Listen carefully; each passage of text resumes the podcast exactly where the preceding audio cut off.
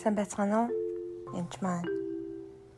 За та бүхэнд өнөөдөр хамгийн сүүлчийн хараалт холбоотой хэсгээ хийгээд дуусгая гэж бодож байна. Тэгээд хаа өөр нэмэлт асуулт авах байгаа бол та бүхэнд хариулж болно. Тэгэхээр дэд тулын 27-гийн 26. Энэ хуулийн бүх үгийг үйлдэн гүйцэтгэдэггүй хүн нь хараагдсан. Гэхэд бүх ард түмэн амин гин. Тэгэхээр бид нар мэдээж хуулийн ор байгаа байгаа биш. Харин бид үнэхээр нэгүслэр Иесус Христосийн тусаар аврагдсан. Гэхдээ хууль зөрчигдснөөс болж үлдсэн гэм нүглүүд бол хараал болсон уу? Болсон. Аа бурхан үзээж хүргэлж хэвээрээ байгаа. Тэгэхээр бид нэр 2 дугаар Коринтын 4-ийн 4-ийг уншиж үгэй. Энэ үеийн бурхан бурхан эдг нь жижиг үсгээр бэвж бичигдсэн байгаа. Энэ үеийн бурхан үл итгэгчдийн бодол санааг сохолсон учраас Тэгэд Бурхны дүр болох Христийн алдрын сайн мэдний гэрлийг үдч чадахгүй болжээ. Энэ үеийн Бурхан гэж энэ сатана хэлж байгаа. Үл итгэгчдийн бодол санааг сохолсон учраас тэгээ бидний итгэгч болохоос өмнөх хүмүүсийг бодол санааг нь яасан гэж сохолсон учраас тэд Бурхны дүр болох Христийн алдрын сайн мэдний гэрлийг үдч чадахгүй болсон. Тэгэхээр бид үнэхээр эзэн эзнээс биш бол Бурхныг одоо мэдэх боломжгүй бол байгаа юм л да.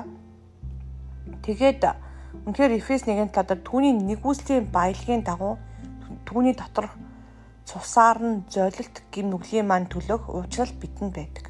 Тэр үнэхээр Есүс Христосийн цусаар дамжин бид нар гим нүглийн маань төлөх уучлал биднэрт байдаг. Золигдсон буй чөлөөлөгдсөн байна. Тэр Колосо 1:13-аас 14 дээр учир нь тэр биднийг харанхуй эрх мэдлээс авраад өөрийн хайрт хүүгийнхаа хаанчлалд шилжүүлсэн юм. Хүүгийнхэн дотор бидэнд нүглийн уучлал болох золилт байна. Тэгэхээр бид харанхуун их мэдлээс гэрэлд гарсан байх нь. Бид нар Есүс Христийг өөрөө аврагч хийснэ гэж хүлээж авах үед гэрэлд гардаг. Тэгээд бид нар шинэ гэрээд Есүс Христийн тусаар дамжуулан шингээгээр эзэнтэй эвлэрүүлэгдсэн. Хэдий юм боловч би ягаад хараалыг таслах тухай ярина вэ? Чөлөөлт хийх үед одоо ялангуяа яг библи уншаад ирэхээр нойр хүрдэг, залхуу хүрдэг, эсвэл ингээл одоо ингээл яг л хэрэгтэй юм хийх үед ерөөсөө нойр нүрээд эсвэл бие нүвдөөд ямар нэгэн байдлаар сатааруулаад байгаа бол танд ямар нэгэн байдлаар хараал юм уу бузар сүнстэй байгуулагдсан хуучин гэрээнүүд байна гэсэн үг. Хэдий бид Иесусыг хүлээн зөвшөөрөхөд бид гэрээгээ туслаа шинэ гэрээнд ордог боловч бузар сүнсний хувьд өө энэ нөхөр гэрээгөө туслаагүй гэж үздэг. Тийм учраас та амаараа энэ гэрээг цуцалдаг байна. Тэгэхээр эзэмнээ таны хууль дүрмийг зөрчсөн. Таны үнэхээр өмнө нь одоо миний үр удамд эсвэл одоо удам сударт те аав ээж бүх үеийнхэнд таны эсрэг хийгдсэн юм альва гин нүгэл байгаа бол би гимшиж байна. Тэгээ энэ бүх хараалаа та чөлөөлж өгөө цэвэрлэж өгөөч. Амун түнчлэн бузар мөсөстэй байгуулсан мэдсэн мэдтэйгөө байгуулсан янз бүрийн гэрээ байх юм бол яг одоо би албан ёсоор Иесус Христосийн нэрээр энэ бүхнийг цуцалж байна. Тэгээд бас энэ гэрээ хэлцээрийг ариусны халаар шатааж байна.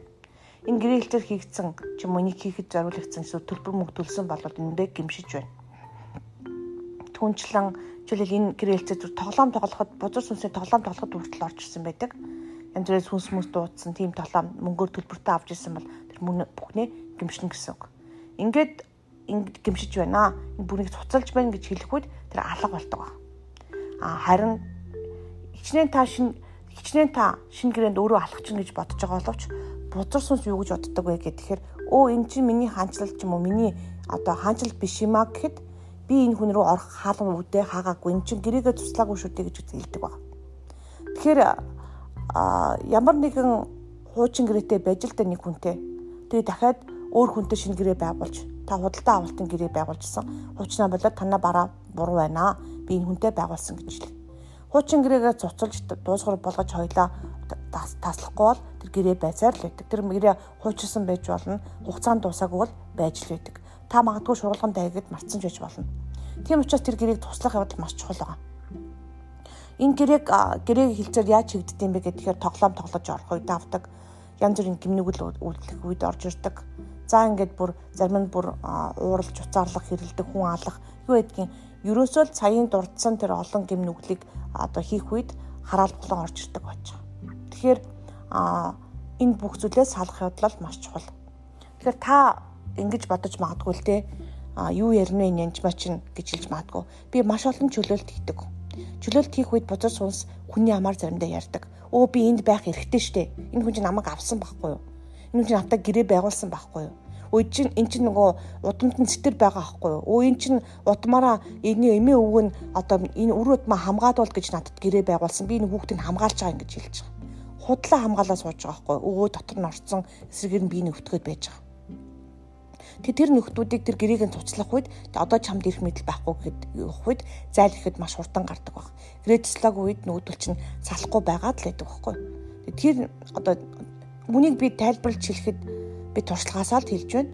Аа тэгээд бузар сүнс үнэхээр хүнээс гарах дурггүй, явах дурггүй, ямар нэгэн симхигээр үлдэх сонирхолтой байдаг. Аа тэгээд та энэ байхгүй штэ гэж хэлээд угаасаа байгаа ямиг та хичнээн байхгүй гэж бодоод ч нэмэргүй. Задуул чинь байж л байгаа. Аа байж байгааг мэдхэд амархан таны амьдралын талбарт бүх юм болж бүтэж байна уу? Тэгээд л болоо бүх талбартаа та эрүүлтэй амьдарч гинүү? Эзний хэлсэн эрүүл дотор алхаж байна уу? Тийм биш бол энэ залбирлыг хийгээд хийхэд илүүдэхгүй. Баярлалаа.